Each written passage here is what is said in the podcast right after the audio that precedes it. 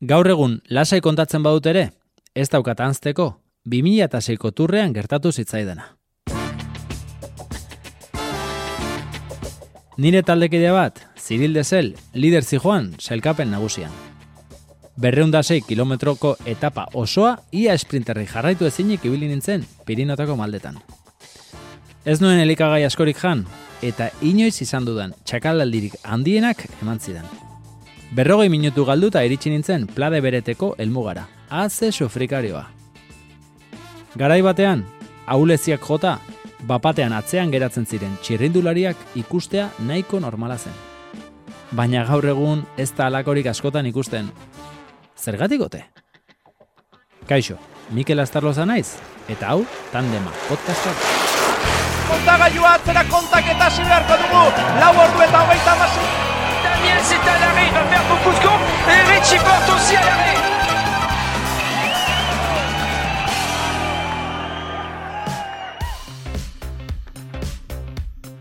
Txirrindulariok entzun ere egin nahi izaten ez ditugun hitzak dira aulaldia, flakia, txakalaldia, pajara.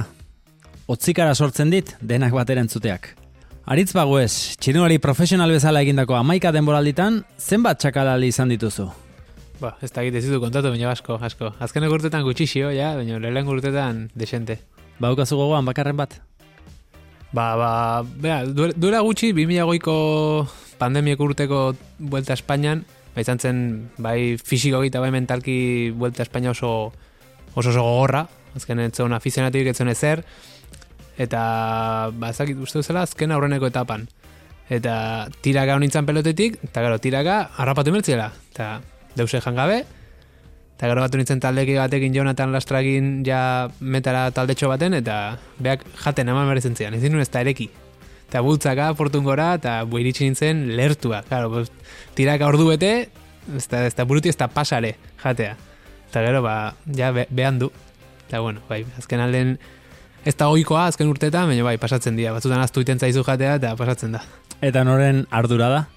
Txakalaldia izatea, txirrindulariarena, Ba, bate- dietistarena... batez ere nik uste txirrindularia, azkenen dietistak eta dena markatzea izu.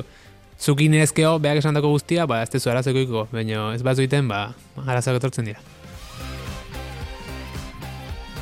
Aitor Zabaleta, zu txirrindulari izan dakoa zara, baina gaur egun dietista zara. Kontu eske etorri zaizkizu, inoiz? Bueno, nahi ez zait tokatu oaindik, ze oi, aritzek esan duen bezala, askotan oiturak edo badakite zenbatero jamer duten, zer, eta hori dena, mino geho, behaiek lasterketan ta daudenean, ba, hoi, tensioan gatikan, e, edo zer gauzen gatikan, ba, pasa iten dizu ez. Hor zaude lasterketan, eta ez dakizu, ba, marra magos minuturo zeo zer hartu bertu, Ino, pelotoiko tensioakin, ba, pasa, pasten jute dizu, eguraldi txarra, orduan behaiek teoria berez badakite, eta orduan geho zuri erruaz dizute botatzen. Haze bi gonbidatu dozkogun gaur. Tandena bera txiki geratuko zaigu, baina lasai, moldatuko gara eta. Aritz Baguez eta Aitor Zabaleta, ongi etorri bihoi. Zu ere.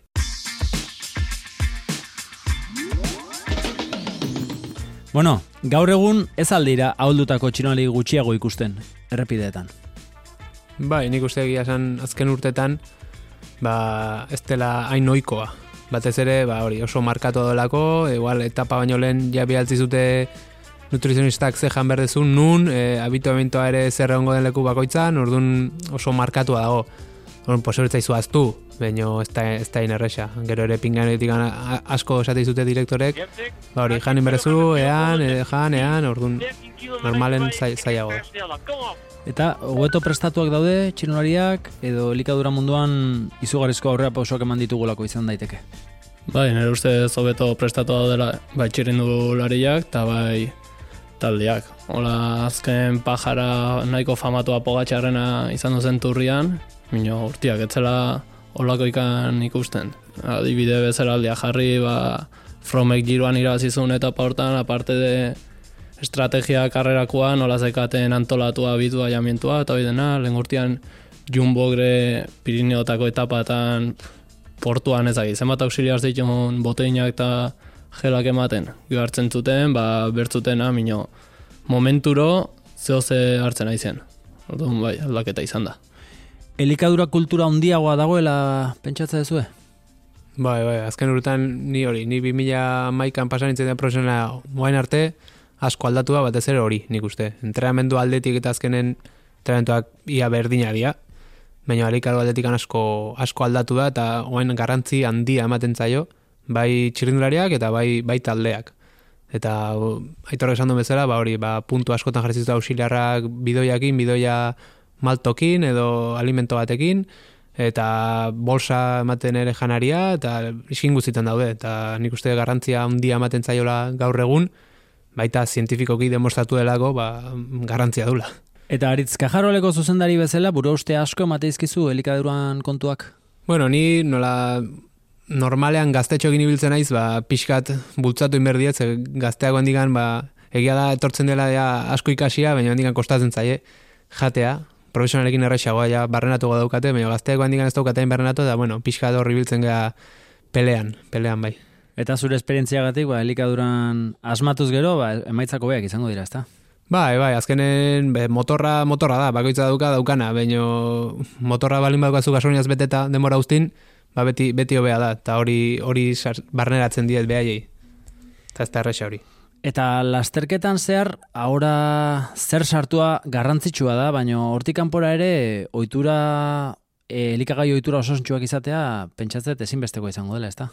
Bai, bai, baina bueno, nik uste hori ere ohitura onak, osea, kirolari batek euki beharko lituzkela kirolara izateko. Orduan nik hori hori ohiturak ez diala inbeste aldatu gehiago nik uste izan dela lasterketan, bizita gainen, bizita ondoren, ko alikadura.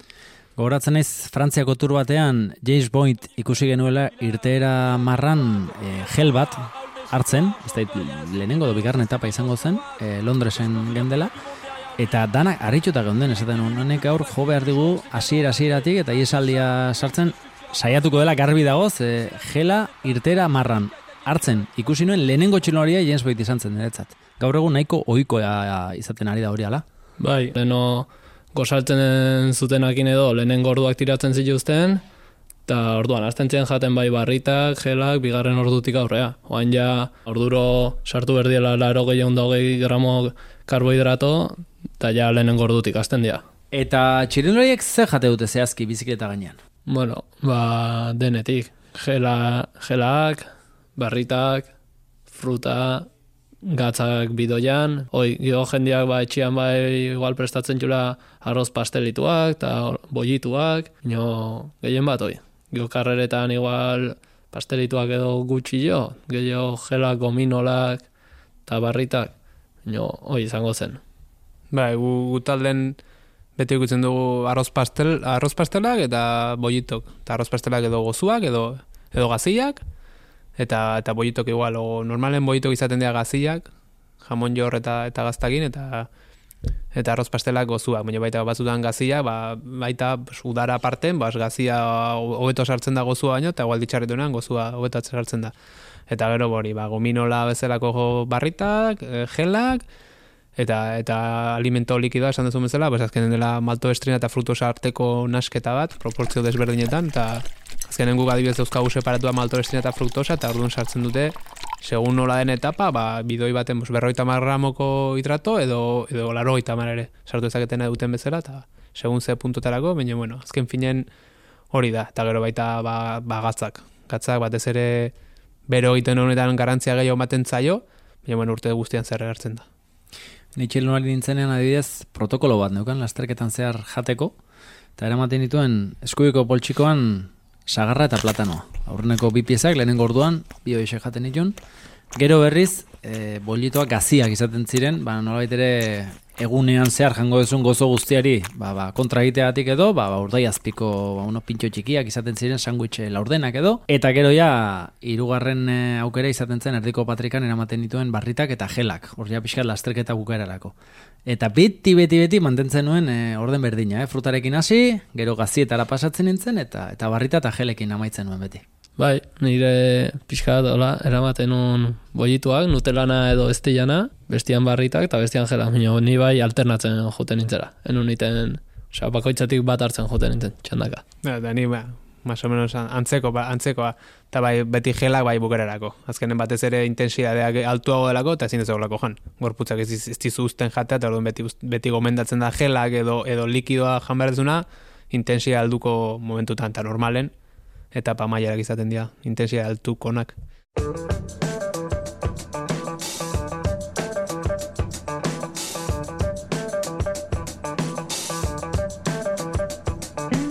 Gaur egun evidentzi zientifiko handia dago kafeinaren eh, onurak berresten dutena eta bueno, ba, gelak dauzko kafeinarekin eta bueno, kafeak ere asko xamar hartzen dira. Bai txinua itzan da baita gizartean ere. Eta bueno, ez dakit e, zenbateraino hartzen duten e, txinuariek, e, zenbaterainoko kafeina... Laro miligramo normalian, pasagabe. Denetik dago, nik ikusitu batzu laro baino desentez gehi hartuta, eta gero, gero ezin ge, geldi egon. Eta hotela iritsi, eta ber, aber nola descansatze duzu, baina bai. Azkenen kafeina bai, onura daude, baina dena bezala, neurrein hartuta. Pasatzen bazea batzutan kalte, kalteko data, eh, onurako baino. Nik txinualia entzenean, ohitura txiki bat neukan, e, turrean batez ere, ba, ba, etapa lauetan eta ez nuen kafeinarik hartzen, Gero mendiko etapetan ba nolabait efektu handiagoa izateko, ez? Eta etxean nengoen era kafeirik ez nuen hartzen eta kafeina dun e, alik eta gauza gutxien hartzen dituen, ba gero esan bezala mendiko etapa hoietan ba onura handiagoa e, jasotzeko. Ni kafeina adibidez zen hartzen. Zea kalambriantzat esaten da ba deshidratatu iten dula eta nik arazo handia eukitzen ditun bolatatik eta pues hoi, kalambriak da eta saiatzen nintzen ez hartzen tartu ezkeo, ba hoi geletan eta lasterketa ja bukaeran jakin da, ba, ez ditera kaltengo. Nio, ni adidez kafeinakin, deuse. Eta ito, txirulari hoia eta dietista izanik, zein da txirularin arten gehien errepikatzen dena katxa? Pues, eske, pixkat maian arabera sango nuke. Nio bai, hola, nik garrantzi gehien aro maten jotena da, azkenian, pues, izan dugu noitura horiek eh, jatiana laro gehien da hogei, errekuperazioare karrera gunetan jendiak badaka oitura iteko. Nio, entrenamendutan de, ba, baldin bakatzu egun bat iru ordukoa seriakin, eta horrengo gunean beste lau ordu seriakin, ba, egun horietan de garrantzi jaman bertzaio, horrengo gunean hobeto goteko. Eta esango nuke, oi dela igual, gehien errepikatu alden akatsa, zoi, interesatzen dure lehen bailen eta hobekien rekuperatzea, datorren egunai beira. Ado zaude, aitorrekin aritz? Bai, ba, nik uste ere akats garrantzitsu hor da, entrenamentuan. Azkenen gauzak probatu behar baituzu, probatu entrenatzen, eta ez karreran. Orduan, ba, bai, e, entrenamentu gorren ondoren, ba, nik uste ondo elikatzea, urrengo egunerako oso, oso garrantzitsua dela, ba, e, bai, zu konturatzeko urrengo egunen hobe zaudela. Eta hori lasterketan e, praktikan jarriko duzu, baina beti entrenamentuan imerdia proba guztik, horretik lehengo ere laro goi egun dagoei, probatu entrenatzen, haber zure zure tripak aguantatzen duen eta gero ja egingo duzu egingo duzu lasterketan eta hori ez du barrenatzen jendeak ze uste du hori janezkeo entrenatzen gizendu ingo dula. Orduan ba kostatzen zaie batez ere hori. Ja profesionaletan ez ja barrenatu godu eta erresago da, baina gaztenetan zaiago da hori barrenatzea. Eta 80 eta 120 gramo arteko hidratua sari zaretela zenbat da? Egun gramo hidrato zer da, zehazki? Ola, orokorrian, ba, gelak eukitzen juste hogeita mar berrogei gramo karbohidrato, ba, jartu berko litazke biro iru orduko, eta geho, ba, barritak ibiliko dia hogei gramo inguru, eta gominola batzuk gainate dinak ere bai, hogeita mar berrogei, orduan, ondo fijatu behar da, ba, markan arabera eta bakoitzak zer dakan, eta horrekin pixka kombinatzen, jun, laro gehi egun da hogei, e, aritzek sandun bezala, probatzen jun da. Batzuri igual tripetan elikagai bate gaizkiten dira, orduan probatzen jun, mino beti, bai, laro gehi da hogei hortan sartzen saiatuz. Beraz, egun gramo hidrato jateko, edo hiru pieza e, jaten ditugu, edo bestela, ba, urpotora botatzen den e, gatz, e, bueno, maltosa eta fruktosako nasketa hori izaten da, ezta? Oida, oida, oainaten sobre famatu egin, horrekin azkenian ordu bateako dakazu, eta geho, iru, normalian hiru pieza ba, gauz desberdinara. Bale, eta zuen esperientziatik abiatuta, ba, ze likagai ohitura mantentzea egiten zitzaizuen nekeza? Ba, nire adibez, igual, egunetak zuen hainbeste ez, baina jo, hiru asteko itzuli baten, ba, egunero pasta o arroza jaten nibiltzea, ba, ja, bukatzezu pixka, ja, kokoteaino. No, ez da, e, etxen, ez da inbeste kostatzen, igual datezu, baina, ba, juten zautela eta jarri pasta, horrengo hotela eta pasta, eta horrengo gonen eta pasta, eta jo, berriz pasta. Azken gaur egun ega bolturren eta ia denak sukadare dautela, eta asko zerrexago da, ze bai pestatzen diote, ba, berdina, baina modu desberdin baten, visualki desberdina dena. Baina kajaruraren ez, kajaruraren jun eta arroza edo pasta. Orduan ja pixkat bukatzen zu azkeneko egunetan ja kokotean jo. Neiola kostatu etzian kostatzen. Bai, txokolati asko gustatzen ziala eta banekin ezin hola hola kantidade handitan jan.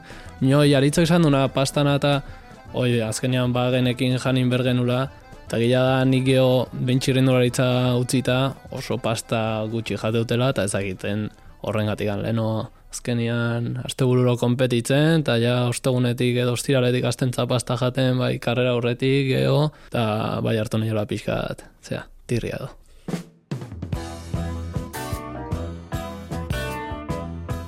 Eta txirrendulari gazteentzat sakrifizio handia da, e, elikagai ohitura osasuntxoak mantentzea. Bueno, nik, nik uste ez dela, ez dela in zaila, elikadura osasuntxoa mantentzea, nik uste gehiago kostatzen zaiala, ba, bizitza normal bat ez egitea. Osea, azkenen lagunekin eta ez egotea gaztei, normalen. Alikaro aldetik anetere, bueno, bueno. Behek ikusten badute ondo janda, hobetu biltzen diala, Etxe, askotan, askotan importa normalen. Eta azkeneko urteetan ez alda iraultza bat egon elikadura estrategian. Bai, oi, leheno komentatu bezala, asko aldatu den gauzetakoa, bere garaian, eta zu jakin gozu hoi entrenamenduak aldatu zien, bezala, gaur egun talde guztia txirrindularitzan behaien didetistak juzte, e, sukaldariak ere eramaten juzte behaien buelta bakoitzeta, sukaldiare oantxe autobusetan dakate, ez dia juten hoteleko autobuseta, osea dena oso markatua dakate. Bai, nire garaian egia esan, e, sukaldariak orduntxi hasi ziren, eh? Ueltur mailan e, taldeak e, eramaten zituztela eta eta bueno, e, ordura arte ba hotelean egokitzen zen janaria jan behar izaten genuen, Hori bai, beti pasta eta arroza izaten zen, baina hotela pixka bat e, obeagoa baldin bazen, ba, bueno, platera desberdin izaten zen, ba, pixka aritzek esan duen moduan, ez, landuagoa edo, eta hotela pixka eta palagoa zenean, bat tokatzen zen, oxe, pues, e, makarroiak txuri-txuriak eta inongo, ez dakit, e, lagungarririk gabe edo jatea. Eta egia da, azkeneko urteetan, ba, bueltur mailan, e, sukaldariak ikusteaz gain, e, janaria ere etxetik eramaten ari direla, bai, e, bueno, kalitate ona duten osagaiak lehen esten dituztela, ez da? Bai, bai, azkenen hori, aitorre esan du bezala, ba, dauzkate, baien kamioiak, dira komedore eta eta sukalde, eta pues, baiak emote baien janaria, bakite ze jatuten, eta hola ere ekiditu dute, ba, kontagiatzea zerbait adetikan, ba, azkenen holako zeu zertzen baizu tripatik gaizke jartzen baza itzuli baten, ba, ja, akabo orduan garantzia handia idia ematen, eta, eta normala da ere, nik uste. Nere garaian adibidez, hoteletan iaia debekatuta genuen e, hoteleko saltxak hartzea, ez? Azken finean e, makarroi batzuei e, ba, ezagutza ez duzun saltxa bat botatzeak, ba, badu bere areskua eta tripetako ba, bueno, gaitza hartzeko ere ba, ba, nahiko aukera izaten ziren, ez? E, nola, nola jaten zen garai batean, aitor? Bai, gaina, oi, txirrendolaria normalian, hola, koitzulita joten zaztenean oso finak zaudete, eta dozer gauzola aljozuna sartu tripai gaizkin aljona, ba, ekiditen saiatu berda. Ba, indena kontrolatuago, bere garaian bain gozien, gauza arraroak, arraroagoak edo, niko batzen oi, nera itona txirrendolaria izan zen, pff, duela urte pila bat, eta kontatzen zizkean gauz batzu, ba, pentsa zinak izango ziela adibidez, bazekan anekdota bat, ba, monbentu edo alpedo ez egigotzen, eta txampaina edaten ezagi rekuperatzeko, ezagi zertako zen saten zuen, jende pila bat hola. Ustea horrelakoa zen, ez? E, bueno, agian etzegoen horrelako, ez dakit, evidentzi zientifikorik oraindik eta eta askotan, ba hori, txampainarekin, ez dakit, gorputzan olako posa sartzen zitzaien, eta hori erabiltzen zuten, ez? Nola baitere, bueno, Bai, bai, gara gardo esaten zen, nola, zera, hidratuako jun, errekuperatzeko erabiltzen du jendeak, ez? Zikloturista asko eta, toin ustez, zera da,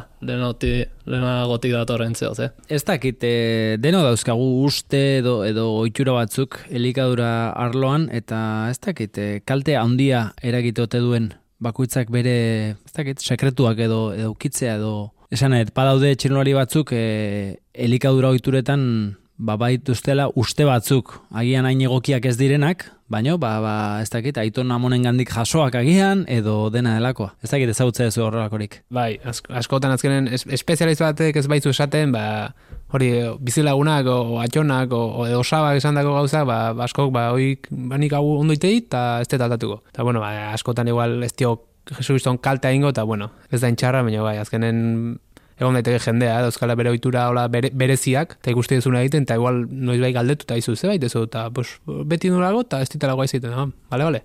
Eta jazta, baina, bueno, normalen, normalen gaur egun, espezialistaten eskun jartzea da, eta beha ikasoitea, hortako ikasi dutela.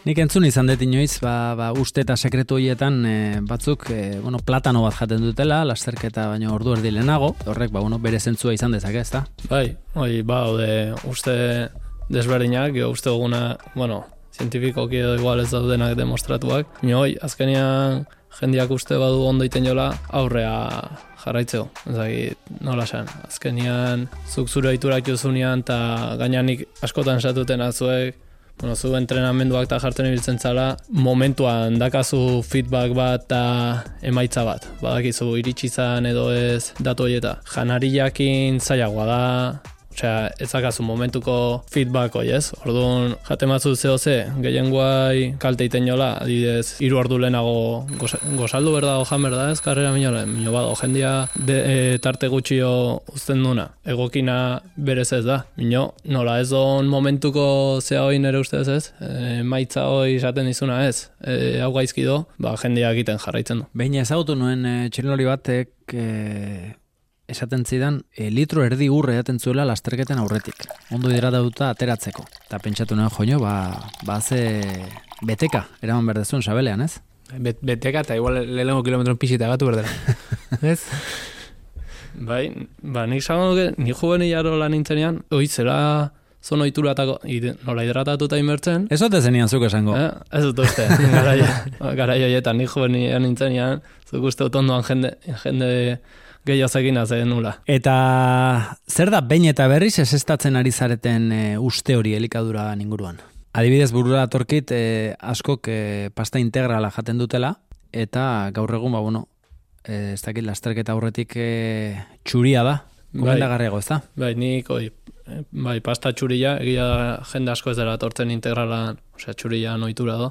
Eta beste bat nik zateutena ere, edo gomendatzeutena tomatiaz botzia pasta joi digestioan eta baleno santzuna ez saltzakin eta e, digestioan edo altxuzu tripan arazoak euki, orduan beti saiatzen az gomendatzen, ba, oi, pasta txurila, tomate gabe, ze oi, gaztiak eta itura dakate tomatia botzeko, nahi kostatzian aldatzia. Baina, bueno, edo nola e, pastaz aparte, ba, proteina sartu berden tortillakin edo, ba, nastu, eta hola ez da oso, oso, oso gehatzen pasta. Baina, bai, oi, e, tomatia kentziana. Afizionatuan nintzela taldekide bat izan nuen, arrozari mermela da botatzen ziona. Eta, bueno, itxuraz neko, ez dakit, atzeraka eman dezaken platera bada ere, probatu egin nuen, probatu egin nuen, eta esan barra dago, a, goxoa zegoela, eta ez nuen gero mantenduen, ere elikadura oituretan, baina egia da, ba, bueno, nolabait ere arrozak duen e, hidrato motelaren, e, bueno, pixu horri, ba, nolabait ere mermeladekin pixkat, e, azkartu egiten zuela, ez? Azukre azkarra eta motela hartzen zuela, eta oso bitxi eritu zitzaidan.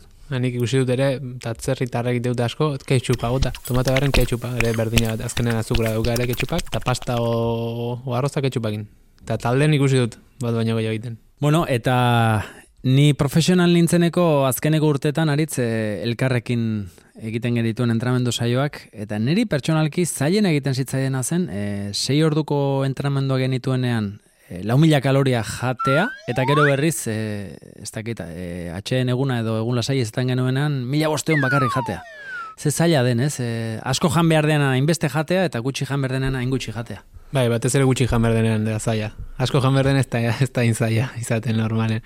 Bai, azkenen txilutzako dauka. Gastatzen zunean sartu inberda, eta ez zunean gastatzen ez. Egia da, azken urtetan, deskanso gunetan ere, zeo ze geixio jaten da, ba, hori urrengo egunan betea gogoteko. Nio bai, beti beti izan da, hori, deskanso dagoazen eguna izaten dira elika horatetikan gogorrenak psikologikoki azkenen Ba, ez du gastatzen, orduan gutxi jan berda. Eta hori ez da, ez da erresa, eta normalen, ez dakiz zeba, baina normalen, goze gehien dakazun eguna, hori izaten dira. Nik uste dut sartzen dela faktore bat ere bai, e, aspergarriei, bueno, aspertu agotea, ez, edo sartzen dela jokoan. Azken finean, e, sei ordu entrenatzea dituzun egunean, etxean apenas zaude. Ez natuko saldo entrenatzera jun, eta iristerako ia afaltzen zaude, baina ordu terdi entrenatzen dezunean, egun guztia etxean bueltaka, ozgailua ireki, armario ireki... E, bai, demora, demora libre gehiagi, bai. Gehiagi. Gehiagi, bai, bai.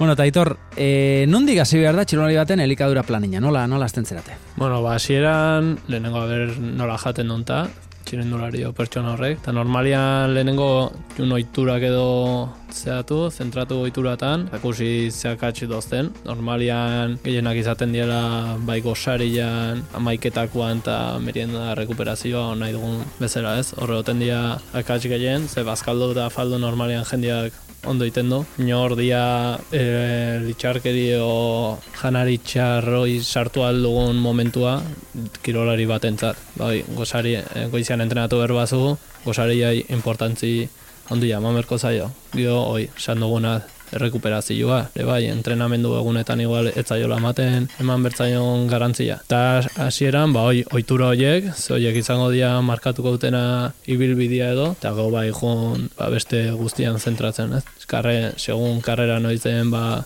hidratuak noiz hasi kargatzen, berroita zortzi ordu lehenago, ere bai karrerak segun zenbat dien, ez da iguala profesional bat, egoten dena aste bat, buelta batian, edo afizionatu bat, aste bururo korritzen duna. Eta aritz, zuek jarrural taldean zenba dietista dauzkazue edo txunoli bakoitzak bere dietista dauka, nola egiten da hori?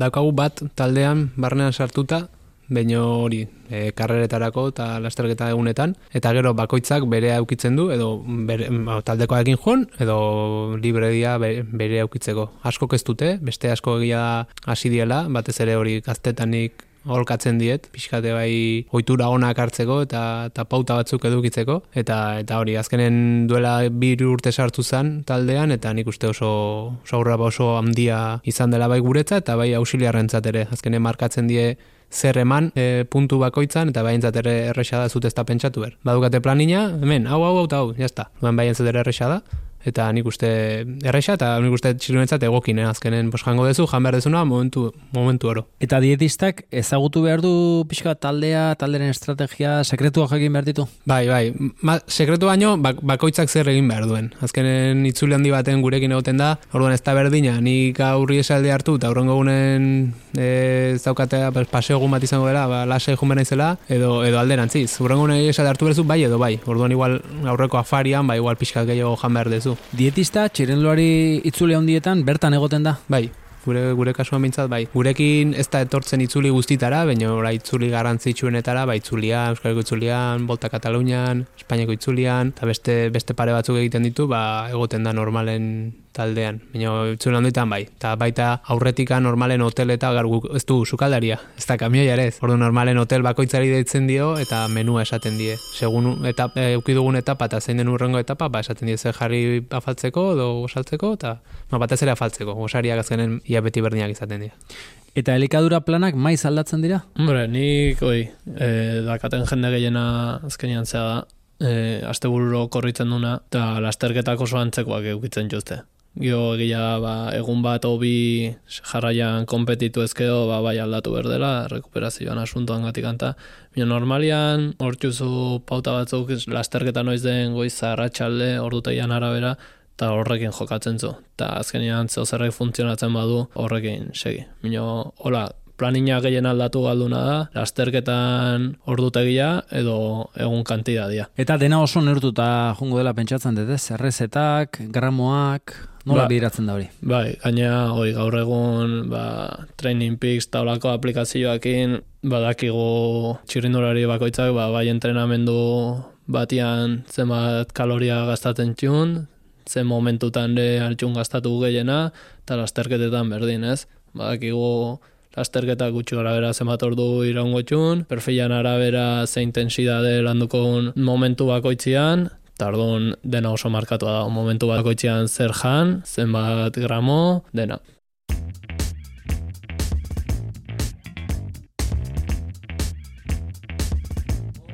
Eta azken urteetan informazio asko zabaldu da elikadura mota desberdinen inguruan. E, paleo dieta dela, zetogenikoa dela, vegetarianoa, zeliakoa, veganoa, zenbat aukera dagoen, ez da?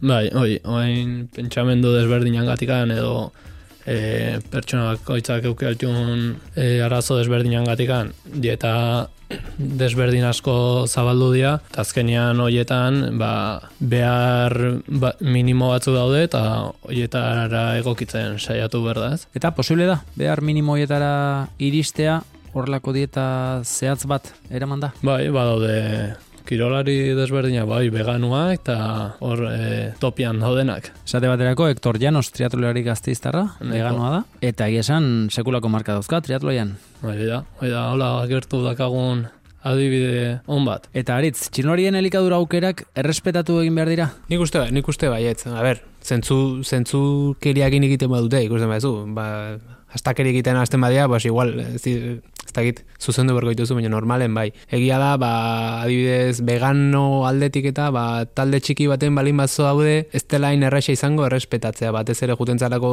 hotel batea Frantzian, zu asko ontza Frantzian, eta eskatzen diozu zeu zer, eta esango dizu, Frantzian nor... Zepa posible. Bosoi. Normalen Frantzian, eh, batzutan atopatzen dituzu jende hola atsegina, baina normalen izaten da kontrakoa, dena dia, ez? Dena dia ba, aurpegi txarra, eta orduan ja, igual batzutan pastatea, eta esaten dizu ez, eske daukat ba zeliakoa eta arroza, eta igual ja aurpegi txarra, pues, esaten badizu veganoa, ba ez da izango dizun. Horretik batzutan nik uste ez dela erretxa horregatik. Zaude, munduan zehar, ez dakazu zure eskualdoren munduan zehar zabiltza hoteletek hotelera, orduan hotel batzuk bai dauzkat aukera, gero ez errestasun gehiago jartzeituzte, baina beste hotel batzutan ba, ba ez daude errestasun askorik. Ni Frantzian bost urte zaritu nintzen, agebiarre taldean, eta oso oso jogur zalean naizenez, ba, fari bakoitzaren ostean beti jogurta eskatzen nuen. Eta ba, bost urte eta gero frantsesa nahiko, nahiko ondo itzeitera iritsi nintzen, eta gauero kontu berdina. Zibuple, ze posil laboa gan jauz? Eta kameroak beti, eh? Eta zibuple, ze posil berriz ere errepikatzen nion galdera behin da berriz. Eta taldekideak aserretu egiten ziren kameroakekin, esaten zutelako oso ondo ahoskatzen nuela, eta garbi zegoela jogurra nahi nuela. Baina haiek ez ziaten, ez ziaten jogurra inerrez ematen. E, ba, ba, badakiz geren hori Frantzian. Batez ere, imaginatu nik ez dakitela frantsesa hitz batzu badakizkit, eta bueno, janari askatzeko moldatzen naiz, eta jogurrakin, bai, jogurren esate dizut, dela ezinezkoa da ulertza jogurra zer den. Eta ulertu dizute hasieratik antzera nahi du, baina ez dizute karriko. Bose, pentsa eskatzen baiazu, nahi zu hamburguesa be, vegano bat, a ver, a ver ze esaten dizun. Eta dieta mota desberdinez ari garela, ba nola ez ditugu diabetikoak aipatuko, ez? E, Novo Nordisk talde norbergeiarrak emezortzi txirrelari ditu, e, eta guzti guztiak diabetikoak dira. Bai, eta horiek gainea urtia di juste hor.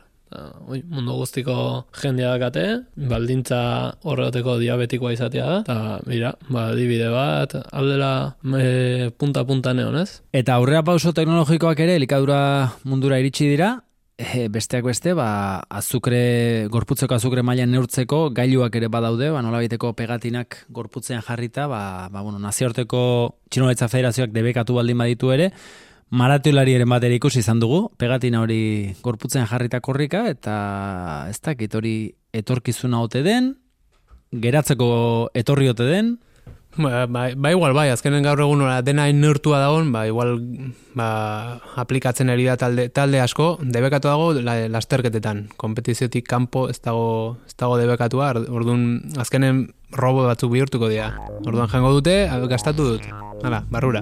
Orduan ja azkenen da, pues, pues hori lehen esan ditan bezala, kotxean deposita, pues de, demora guztien kotxean deposita nola daun ikustea. Pues, kotxea izan berran zure deposita, a ber, eta mantetzea beti beteta. Orduan, bueno, igual entrenatzen nik uste erabiliko dutela, eta baita azkenen jaritsiko da momentu bat, ba, potentziometroen bezala. Zuri kentzei zute potentziometroa eta bost urtez ondoren, zuri esate zute jarri zure umbralea eta ez tezu faiatuko. Más o menos amar bati gora bera horri biliko zea, eta janariak nik uste azkenen berdina izango dela entrenatzen ohitura batzuk hartuta eta ja ikusita ze jan berdezun eta zenba gastatzezun punto bakoitzan, ba azkenen ja ezagutzen zea gorputz bakoitza desberdina da, baina zurea ezagututa ezagutzeakin nahi- nahikoa da eta nik uste hortik jungo dela gauza. ados zaude, Aitor? Bai, nik pixka bat aritzek esan duen bezala, esango nuke zea dela. Dietista potentziometroa bezala, ez? Azkenian hor dena neurtua dijo, potentziometroa bezala, badakite bakoitzak zen bat bat jota jun berdun, ba berdina da, ez? Eta horrek bakingo du akatxoiek betetzia, ba, pogatxarrei gertatu zilona azken tur hortan, ba, igual eukiko bazu noi, ba, ez zion, gertatuko ez? Gero ja, ba, betikoa, ongo da jendia alde, ez? Espektakulo aldetik ez dulako lagunduko, potentziometroakin ondo zen debate hoi ez, hasieran, baina bueno, ba, iristen bada, ba, moldatu inberkoa.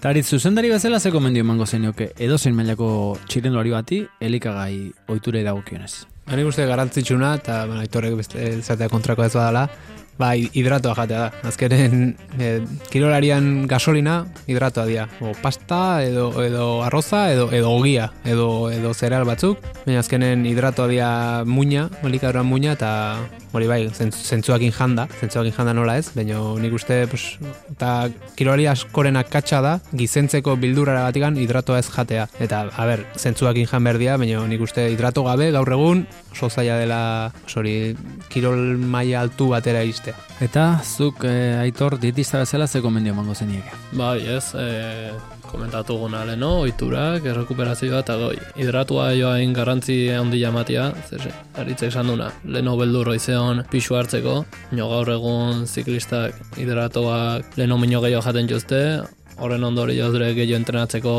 gai dira, osea, hobekuntza eta evoluzio bat egon da denean, eta orduan, ba, zeo ikentzia, ez? E, ez ezin dut hidratua jan, ze gizen den gut, eta ez, ez dela egia, geho gastatzen bazula, onurak arko izula. Ba, eskerrik asko aitorretaritz, gurekin eh, hemen izategatik. Ni esker zuei ere. Zuei, eskerrik asko.